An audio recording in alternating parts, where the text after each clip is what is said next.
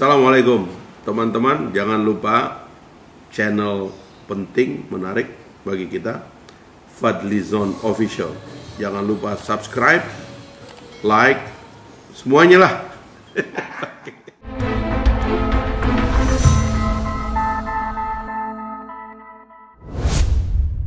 Terima kasih. Assalamualaikum warahmatullahi wabarakatuh. Salam sejahtera bagi kita semua. Para hadirin yang banyak sekali tokoh-tokoh yang hadir di tempat ini, mobil khusus Pak Fadli sebagai sahibul bait. Waktu saya diundang untuk datang ke acara ini, saya mengerti bahwa ini seperti seolah-olah sebuah acara sederhana. Tetapi di dalamnya pasti punya makna yang besar. Dan tadi sudah dijabarkan secara hampir lengkap pengajuan satu pertanyaan besar ya.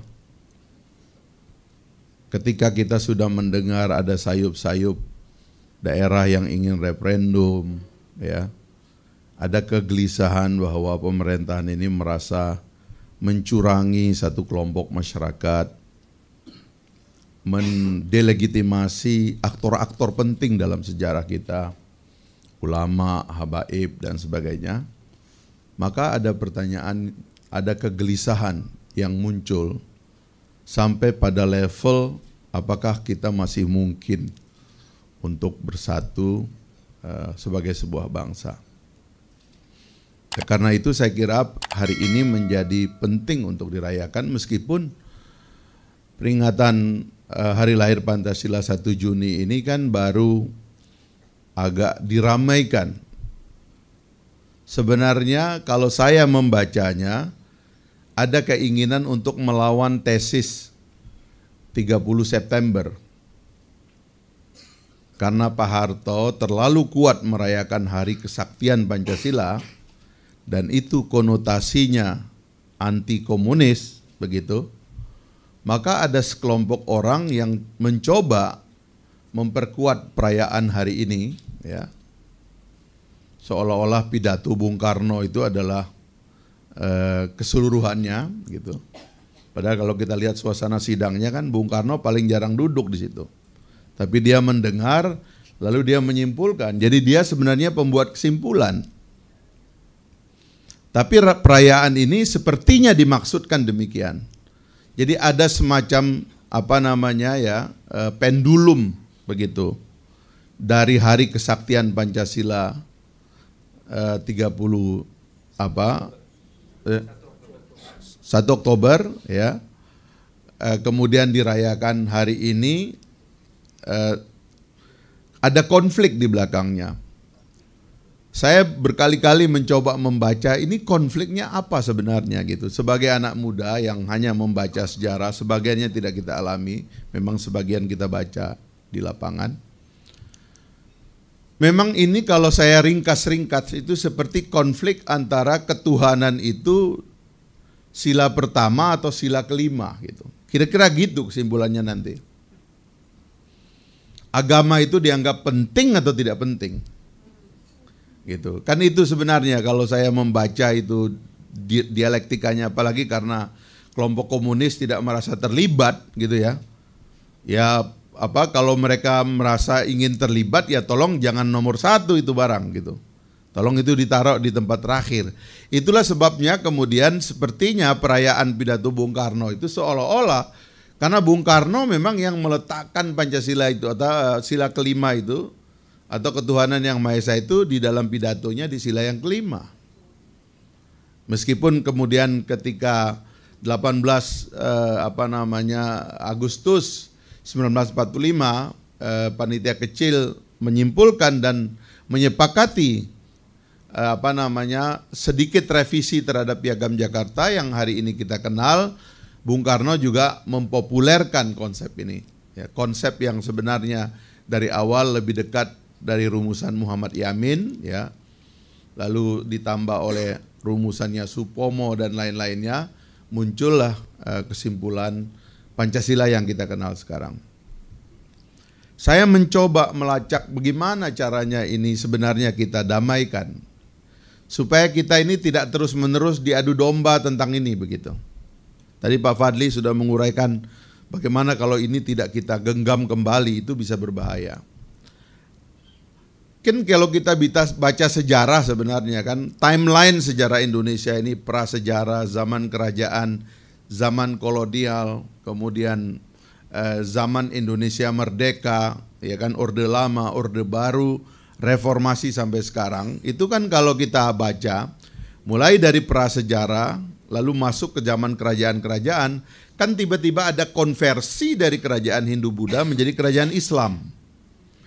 Dan yang terakhir sebagai bentuk negara, negara-negara kecil itu adalah kesultanan-kesultanan di Indonesia itu yang mayoritas adalah kesultanan Islam. Itulah yang menjelaskan kenapa airport-airport kita itu namanya kan sultan-sultan. Ya, di Sumbawa itu ada tiga airport itu. Ada Sultan apa namanya Solahuddin, ya kan, Sultan Kaharudin, Eh, cuman dua airport itu yang terkenal karena yang di Dompu itu ditutup, tapi ini kesultanan Islam semua. Sultan eh, Hasanuddin di Makassar, Sultan Babullah itu di Ternate, semua itu menjadi nama airport sampai ke Aceh sana. Sultan Malikus Saleh dan seterusnya itu di kota-kota kecil, di Loksmawi dan sebagainya itu. Itu nama-nama sultan karena memang semenanjung Melayu ini kemudian menjadi semenanjung Islam. Ya. Nah, pada zaman kemerdekaan atau pada zaman perjuangan kemerdekaan, sultan ini bersama apa namanya aparat-aparatnya dan ulama-ulama habaib yang menjadi konsultan dari raja-raja itu namanya habaib-habaib. Itu adalah konsultannya raja-raja, penasehatnya. Mereka inilah yang kemudian menggerak menggerakkan perjuangan mengusir penjajah. Kalau harus berjuang, Raja nggak bisa memberikan komando untuk berperang. Yang bisa memberikan komando berperang itu adalah para ulama. Karena hanya fatwa ulama yang membuat orang tuh mau mengorbankan jiwa raga. Dan seluruh perang-perang kita ini sebenarnya nggak ada SK-nya, nggak ada anggarannya, nggak ada undang-undangnya. Ini semua adalah fatwa ulama. Itulah sebabnya kemudian apa namanya antara agama dan negara itu kemudian menjadi dekat dalam zaman-zaman itu. Nah, tetapi begitu kita kemudian masuki fase kemerdekaan, kita mencari format baru dalam bentuk republik. Dan kita memblend ya kesultanan-kesultanan dan sebagainya itu menjadi satu. Kalau format di Malaysia nanti bentuknya itu federasi. Itulah sebabnya sultan-sultan Islam itu di Johor, di Melaka, di Negeri Sembilan dan sebagainya itu masih ada mereka. Mereka masih punya power. Di kita ini kan di blend dan bahkan kayak dicampakkan. Kalau kita ketemu dengan sultan-sultan di daerah kami ini ditipu. Ya mohon maaf, orang Aceh itu masih merasa ditipu sampai hari ini. Ya, kalau nggak jujur, kalau nggak apa percaya itu nggak jujur aja itu masih merasa ditipu. Udah otsus pun masih merasa ditipu. Apalagi yang nggak otsus, diem aja tuh ngerenggut mereka. Pergi aja ke anak keturunannya Sultan Tidore, Sultan Ternate itu masih merenggut itu. Sultan-sultan ini nggak ada ininya posisinya. Sultan Sumbawa pegawai BUMN, ya. Sultan Tidore itu kepala dinas pariwisata kota Tidore. Ya sekarang alhamdulillah terpilih jadi anggota DPD itu. Sultan Jogja masih gubernur. Nah, Sultan Jogja yang agak mendingan lah ya. Paling tidak harusnya kayak Sultan Jogja begitu ya penghormatannya. Nah lalu ini ada buku Reclef itu Pak Fadli saya baca itu. Dari mana itu The Idea of Indonesia? Elson juga menulis itu. Jadi dia bilang ide Pancasila itu adalah ide Indonesia. Itu datang dari dua mazhab dua mainstream. Pertama dari orang-orang yang bersekolah ke Timur Tengah, inilah yang kemudian menjadi ulama, belajar agama, pusatnya di Mesir, Mesir, Al-Azhar, di Sudan. Inilah yang datang membawa pikiran agama dalam negara. Nah, sebagiannya itu yang pergi sekolah ke Eropa. Ya.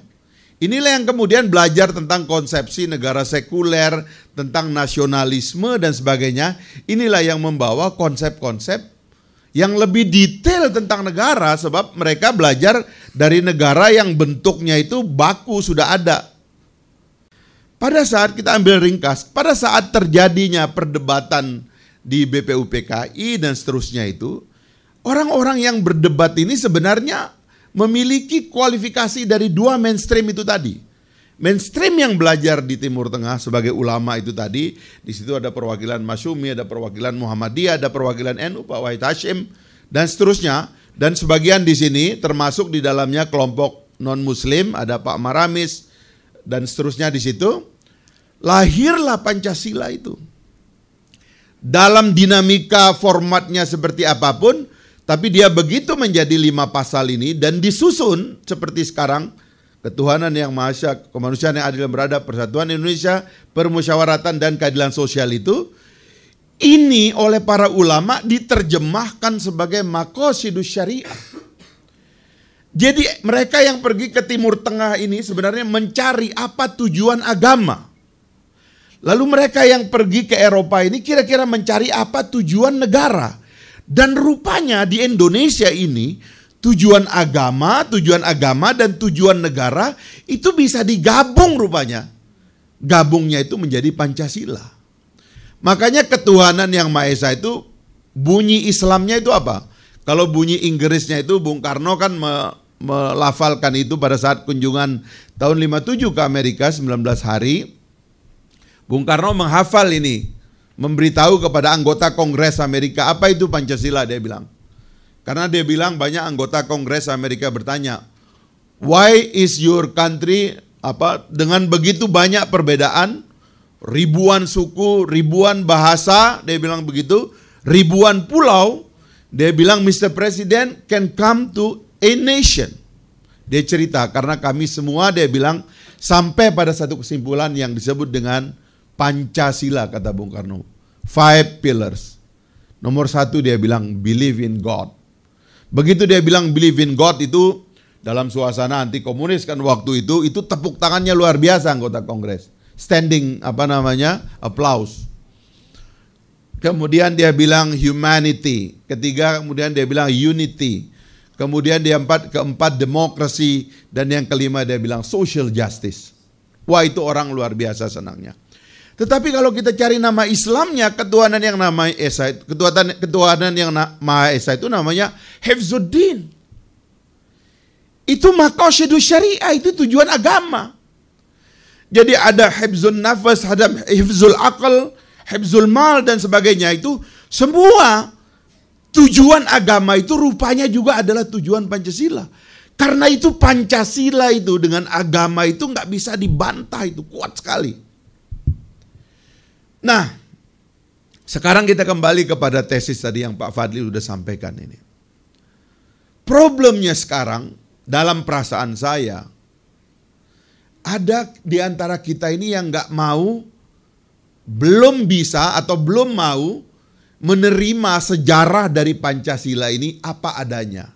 Misalnya Pancasila sebagai jalan agama. Ada yang nggak mau. Saya sering mengatakan di mana-mana, kenapa Timur Tengah itu gagal jadi negara? Orang Islam ini susah diajak bernegara. Susah. Orang Islam ini paling gampang diajak memberontak. Orang Islam itu kan baca Al-Quran. Al-Quran itu imamuna. Dalam Islam itu Al-Quran adalah imamku. Jadi kalau orang Islam itu baca Al-Quran, itu seperti mendapat perintah langsung. Dan dia nggak mau ada negara yang menjembatani ini. Nggak gampang itu ngajak orang Islam masuk negara. Waqatiluhum hatta la takuna fitnah. Kalau Qurannya bilang begitu dan perangilah mereka sampai nggak ada fitnah. Perang orang itu. Berat orang Islam ini diajak untuk menerima negara. Nah, di Indonesia ini capek para ulama ini udah nyeret ini kesultanan-kesultanan Islam ini datang menerima republik ya sudah. Ini yang menurut saya khawatir saya ada yang rawan ini yang memprovokasi seolah-olah ini belum final padahal ini udah dianggap final. Saya terus terang kecewa betul itu dengan tokoh-tokoh tua macam Pak Hendro dan lain-lain. Kerjaannya itu gangguin orang Islam terus. Eh. Wah ini orang mau bikin negara khilafah. Khilafah apa? Khilafah itu konsep ada dalam Al-Quran. Itu benih. Mau jadi kerajaan oke, okay. nggak ada bentuk negara dalam Islam. Mau jadi kesultanan oke, okay. mau jadi republik oke, okay. mau menjadi federasi oke, okay. mau jadi apa pun oke. Okay. Khilafah itu benih. Khilafah itu artinya tanggung jawab, pertanggungjawaban. Kita ini mengurusi sesama itu adalah pertanggungan.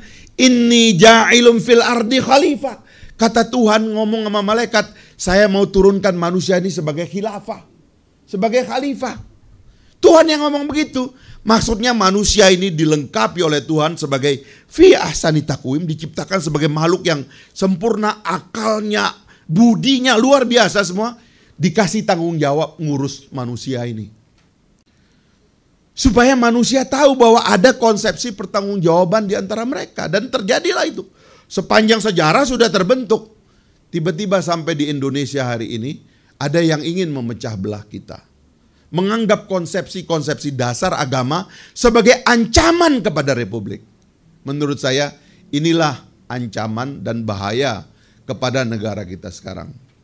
Jadi Pak Fadli, saya ingin simpulkan, saya mengucapkan terima kasih sebuah acara sederhana ini kita selenggarakan pada hari ini dalam bulan Ramadan yang mulia di apa hadiri oleh tokoh-tokoh senior kita dan orang-orang cerdik pandai di sini Mudah-mudahan gema dari kegiatan ini adalah menyadarkan terutama para elit, para pemimpin sekarang. Berhentilah punya insunia, insinuasi dan fitnah seolah-olah negara ini sedang menghadapi ancaman besar dari agama. Nggak pernah ada di republik ini.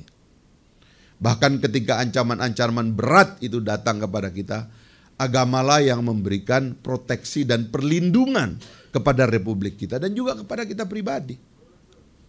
Coba bayangkan negara ini kan nggak sukses menanggulangi kemiskinan, nggak sukses meninggali ketimpangan. Orang larinya ke mana?